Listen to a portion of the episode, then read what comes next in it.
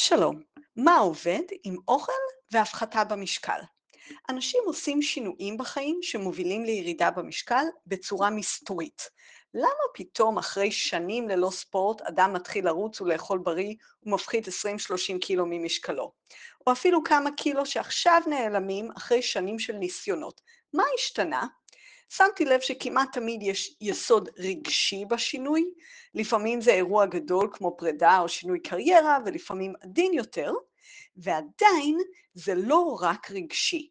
אנשים עושים צעדים קונקרטיים שמצליחים. הצטברו אצלי דוגמאות לעקרונות שעבדו אצל לקוחות וגם כמה משלי, אז אני אספר לכם על העקרונות האלה. ראשית, כמה הבהרות. אחד, אני לא תזונאית ואין לי כל השכלה פורמלית רלוונטית. שתיים, בריאות מעניינת אותי הרבה יותר מאשר משקל, וזה גם מוכח מחקרית שפעילות פיזית ואוכל בריא משפיעים על הבריאות יותר מאשר המשקל בפני עצמו. וגם, אני סוקרת כמה עקרונות שעובדים ללקוחות. לא כל אדם ישתמש בכל העקרונות, וכנראה שאף אחד מהם לא הכרחי. נפתח בשאלה, האם כדאי להיות נוקשים או רכים עם עצמנו? אם נהיה נוקשים עם עצמנו, אולי יתעוררו בנו מרדנות ותחושת חסך ונחזור אחורה, ומצד שני, לרדת כמה קילו במשקל, במיוחד מעל גיל מסוים, לא לגמרי קל. אם נמשיך לעשות מה שאנחנו עושים היום, לאכול בכל השעות, את כל מה שבא לנו, נילחם בעצמנו פה ושם לוותר על איזה עוגה ובסוף בכל זאת נאכל אותה, נשאר באותו המקום. נמשיך לעלות במשקל עם השנים, בערך קילו בשנה, אז כן, צריך לעשות צעד מספיק משמעותי לאורך מספיק זמן, אם זה חשוב לנו. אני מכירה אנשים שקשוחים עם עצמם וזה עובד להם מעולה, זה נכון גם לגביי. אני מכירה אנשים שקשוחים רק בכמה נקודות וסלחניים לגבי כל השאר, ובכל מקרה חשוב להיות כנים עם עצמנו, האם מה שאנחנו עושים עובד. לגבי אנשים שאוכלים כל מה שבא להם והם רזים ובריאים, אין מה להרחיב את הדיבור. אם הייתם שם לא הייתם מקשיבים או קוראים את המאמר, ואם הייתי שם לא הייתי כותבת אותו. אין טעם להשלות את עצמנו שלא נעשה כלום ונהיה כמוהם. לפני שנתחיל עם העקרונות של התזונה, קודם תיאוריה פסיכולוגית סטטיסטית ששווה להכיר, זה קצר, ואז אפשר להשתמש בה. תיאוריה נקראת תיאוריית הצימוד, קפלינג, וזה מושג שלמדתי ממלקולם גלדוול. בצורה מפתיעה, תופעה שנראית מורכבת או רחבה יכולה להיות קשורה, מצומדת, לעניין נקודתי. למשל, התאבדויות. בשנת 1963 סילביה פלט השכיבה את ילדיה לישון, סגרה את דלת המטבח, הכניסה את ראשה לתוך התנור, הפעילה את הגז והתאבדה. היא לא הייתה היחידה. נשים רבות באנגליה התאבדו כך. כאשר הפסיקו להשתמש בגז הבישול הרעיל הזה בסוף שנות ה-70, מה קרה? האם נשים עברו להתאבד בצורות אחרות? כמעט שלא. שיעורי ההתאבדות של נשים ירדו לחצי. זהו צימוד. התאבדות קשורה לדיכאון, אבל גם לשיטת ביצוע נוחה. אותו דבר עם אכילה ומשקל. אנחנו אוכלים שטויות כי אנחנו מכורים, וכי אגרנו כעסים, וכי יש לנו בעיות בחיים, אבל גם כי אנחנו יושבים מול עוגת שוקולד או ממתקים אחרים מדי יום, ולא פיתחנו כלים להתמודד איתם. אז נצא לדרך. הנה עקרונות שונים שעבדו ללקוחות ולי. מספר אחד, להפחית שעות אכילה. זה קלף מנצח אמיתי. נדמה לי שלא נתקלתי בהפחתת משקל שלא כללה צמצום שעות אכילה. הכלי נקרא גם צום לסירוגין, intermediate fasting. צום לסירוגין התפשט בעקבות מחקר פורץ דרך של מכון ויצמן לפני כעשור. המחקר גילה השפעה מרחיקת לכת של בריאות ומגוון אוכלוסיית חיידקי המעיים שלנו על הבריאות והמשקל שלנו עצמנו. כלומר, מה קורה במעיים שלנו משפיע עלינו ועל המשקל שלנו. אחת המסקנות הפשוטות והישימות של, המשק... של המחקר הזה הייתה שצום, ובפרט צום לילה, מעולה לחיידקים שלנו ולכן מעולה לנו. אז הגרסה הבסיסית והנפוצה של צום לסירוגין היא קביעת צום לילה ארוך של בין 12 ל-18 שעות. והגרסה הכי קשוחה של הנושא הזה היא צום של בין 24 ל-36 שעות, פעם פעמיים בשבוע, עם מים בלבד, או מים ומיץ, או מים, תה וקפה. וגם צום הלילה לא חייב להיות מוחלט, יש כאלה ששותים משהו בבוקר.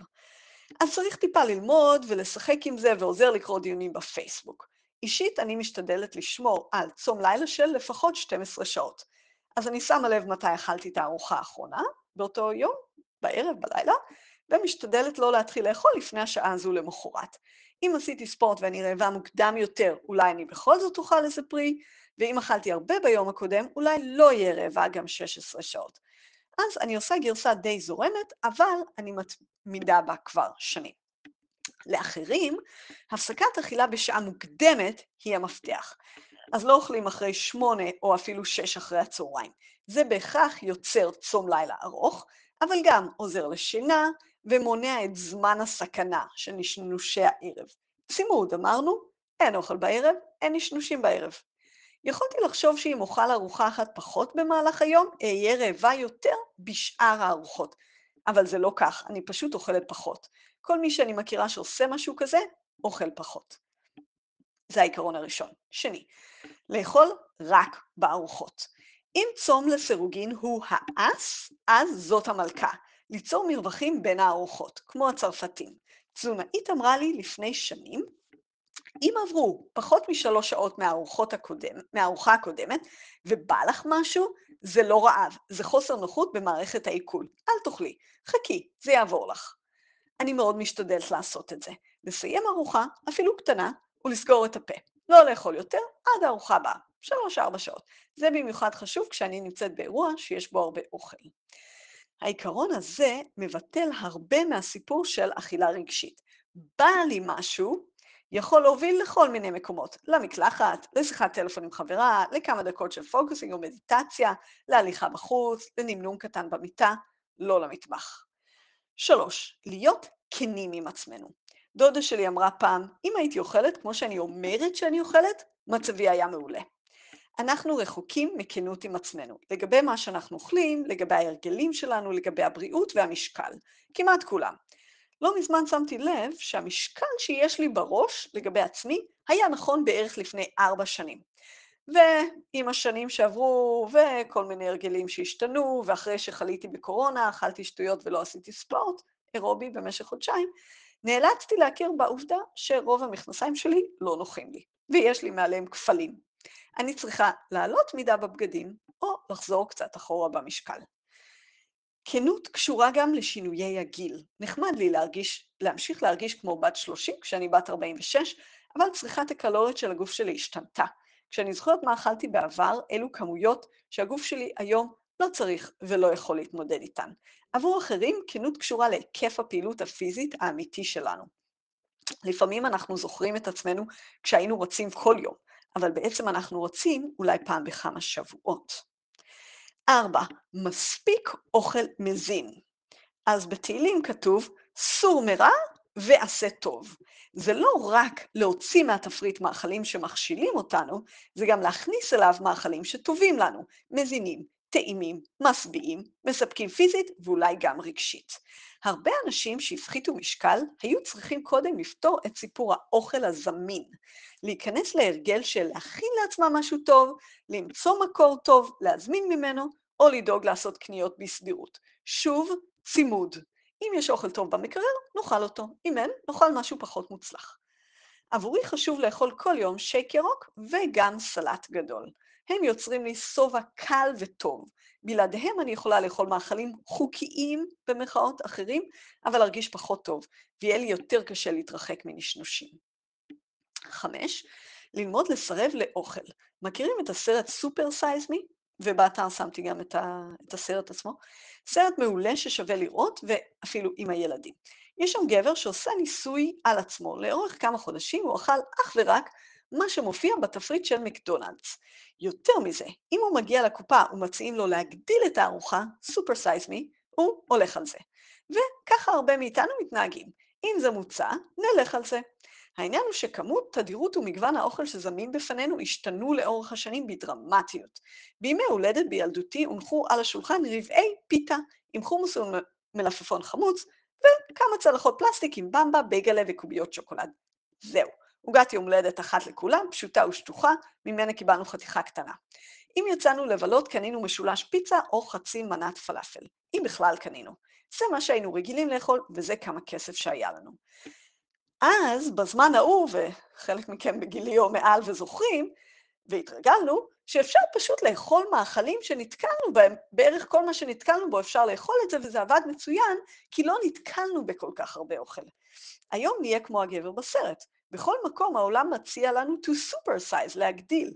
בעבודה יש עוגיות, הארונות מכילים ממתקים של הילדים, בכל אירוע יש כמויות עצומות של אוכל, ובכל מסעדה יש רשימת קינוחים מפוארת. אין הרבה ברירה, אלא לפתח עמידות מול מה שמוגש. אגב, אם החלטתם לא לאכול בכלל באותו ערב או מאכל ספציפי, אל תטעמו. בשביל מה אתם טועמים?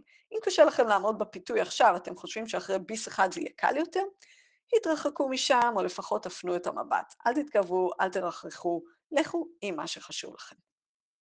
שש, לאכול רק כי רעבים. הרבה אנשים מגלים מתישהו שהם רעבים פחות ממה שהתרגלו לחשוב. אנחנו רגילים לחשוב על ארוחת ערב למשל, אבל לפעמים אם נשים לב, אנחנו פשוט לא רעבים בערב, או עד הערב, או רוצים רק משהו קטן, רק פרי, רק שתייה חמה. יש פה עניין של זיהוי וביטול אוטומטיים ופיתוח גמישות. לפעמים לקחנו מנה, או כבר באמצע מתחילות מחלות, מחשבות קלות של זה מספיק, אז ללמוד לעצור. אפשר להחזיר למקרר ומותר אפילו לזרוק את זה. לקוחות לימדו אותי לא לאכול משום סיבה לא עניינית.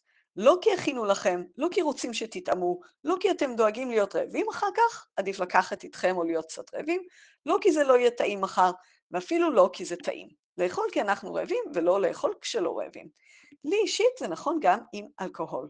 שמתי לב שאני שותה כי אני חושבת שזה רומנטי, וכי גברים תמיד רצו שאשתה איתם. לא סיבה טובה להכניס משהו לגוף.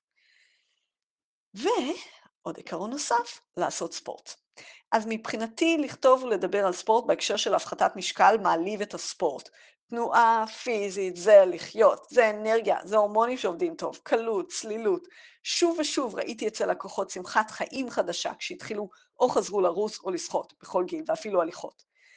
עדיין, כן יש קשר למשקל. לא כי פעילות אירובית צורפת כל כך הרבה קלוריות, היא לא, אבל הפעילות עוזרת לכל דבר, פיזית ורגשית וגם להפחתה במשקל. כל מי שהכרתי שהפחית משקל בצורה משמעותית, הכניס ספורט בצורה קבועה לחייו, אלא אם כן זה כבר היה חלק מחייו. אז עד כאן העקרונות שראיתי שעובדים פחות או יותר לכולם. ועכשיו נעבור לכמה עקרונות יותר ספציפיים שעזרו לחלק מהאנשים. שמונה, לוותר על דגנים. אני מכירה גבר בריא וספורטיבי בן 55 שאוכל בעיקר לחם לבן, ירקות וקצת עוף מדי פעם. הוא יוצא מן הכלל. להרבה אנשים ויתור על דגנים היה מפתח בירידה במשקל. עבור חלקם מדובר בכל הדגנים, כולם, לי זה ככה עובד הכי טוב, וחלק מוותרים על קמח, כמו לחם פסטה, ומשאירים מאכלים כמו שיבולת שועל או תירס. מה ההשפעה של ויתור על דגנים? בעיקר ביטול ירידות הסוכר שהם גורמים. רעב יכול להיות קל ונעים, אבל אחרי לחם או תפוחי אדמה, רעב מגיע מהיר ועצבני. דגנים קשורים ישירות להשמנה בטנית וגם אלכוהול. זה לא עניין תיאורטי, להרבה אנשים דגנים מכניסים לחשקים ולסחרור שקשה להתמודד איתו, וקל וטוב להם יותר בלעדיהם. תשע, להתרחק מממתקים. גם זה לא עיקרון גורף, ויש לי לקוח שמדי פעם מחליף ארוחת ערב בגלידה, והפחית המון במשקל. עדיין, הרבה סיפורי הצלחה קשורים להימנעות מוחלטת מכל מה שיש בו סוכר כתוספת, added sugar. לקוחה אחרת השתתפה בתוכנית אינטרנטית של סיוון אופירי, וירדה משקל בצורה משמעותית וטובה לראשונה בחייה. היא אמרה שהתוכנית עזרה לה להשתחרר מכל הסיפור של אכילה רגשית. לא נוגעים בשום סוג של מתוקים, גם לא תחליפים, גם לא תמרים למשל, פשוט מוותרים על הסיפור הזה. זו התמכרות שעוברת, ועבורה זה שחרור עצום. הבעיה עם ממתקים היא בעיקר ההתמכרותיות העצומה שלהם. אישית, מעולם כמעט, אני באמת לא זוכרת, מתי הצלחתי לאכול כמות קטנה של שוקולד, רגיל, מתוק. אם נגעתי במשהו של הילדים, אני לרוב אחסל את כל החבילה, אולי את הרוב אם הם יגיעו ויבקשו חלק, וגם את אחיותיה וקרובות משפחתה בימים ובשבועות הבאים. אני פשוט אקנה עוד, אוכל עוד, זה לא ייגמר. מה זה ממתקים? ממתקים זה כל מה שהוסיפו לו סוכר או זיקקו אותו כך שיהיה מתוק, כולל דבש, סילן, מייפל וכך הלאה. אני כן מאמינה בפירות טריים, וקראתי המון מחקר שתומך בהשפעה הטובה של פירות. יש אנשים שהולכים עם תזונה ממש דלה בפחמימות, קטוגנית, ואז מוותרים גם על פירות. שמעתי עדויות טובות, טובות על התזונה הזאת, זה לא הדרך שלי. אז אני כן משלבת טעם מתוק בארוחות שלי מדי יום, בעיקר פירות, בשייק ירוק, לפעמים בסלט, ולפעמים אני מכינה לעצמי שוקו אגוזים מתקתק כארוחה קטנה. העיקרון מבחינתי הוא להישאר בשטח של מתוקים שלא ממכרים אותי, לא עוגה. אז יש לי מתכון קטן עבורכם לשוקו טעים שאני מכינה, חופן קטן של אגוזים, קשיו, מקדמיה או לוז, שלושה תמרי ברי שהם קטנים, זה כמו מג'ול אחד גדול, קובייה וחצי של שוקולד 85, או כפית של אבקת חרובים, שזה מאוד טעים, כוס מים רותחים ולבלנדר. ולגבי מתוקים, שתייה מתוקה ואלכוהול הם ממתקים מבחינת ההשפעה על הגוף. עשר, לישון יותר. אז מדענים במשך שנים מנסים להבין מדוע כולנו שמנמנים יותר היום מאשר בעבר. האם זה המסכים, כמויות אוכל זמינות, אבל אולי חוסר שינה? אנשים ישנים היום בממוצע שעה אחת פחות בכל לילה מאשר בעבר. שעת שינה חסרה ביום, יום אחרי יום, זה המון.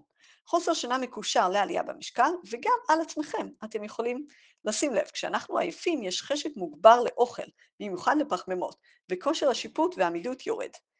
התופעה נקראת בפסיכולוגיה דלדול האגו. איך לישון טוב ויותר טוב, יכול להיות שתצטרכו שינוי די גדול בחיים. אנשים מסוימים יצטרכו להיגמל לחלוטין מקפאין, ולמעשה זו ההצעה הראשונה שלי. גם אם בעבר לא הייתם רגישים לקפאין, וישנתם נהדר עם שלוש כוסות קפה ביום, רגישות לקפאין מתפתחת עם הגיל, ויכול להיות שהיום כוס אחת של תה ירוק בבוקר מקצרת לכם את שנת הלילה. יכול להיות שתצטרכו להיגמל מצפייה בסדרות בלילה, או להוציא את הטלפון מהמיטה. אם חוסר השינה הוא הורמונלי, שזה מאזור גיל 40 לנשים יכול להיות, ולי, יש כמה צמחים שעוזרים.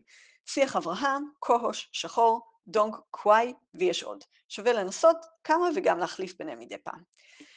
ואחרון, כלל אצבע של קואוצ'רית. צבירת משקל גדולה קשורה לכעס מודחק. אני יודעת שזה סעיף מרגיז, כי הוא לא נותן מתכון פשוט, ולא קל להתחיל להתמודד עם כעסים שיש לנו עם בני משפחה, בני זוג, חלקם נטוע עמוק בילדות. אבל זה תהליך מתגמל, הוא מתגמל אפילו מההתחלה שלו, וכל אדם מקצועי יכול לעזור לכם בכך. אז רק בריאות וקצת אנרגיה, זה ממני סלי תדמור.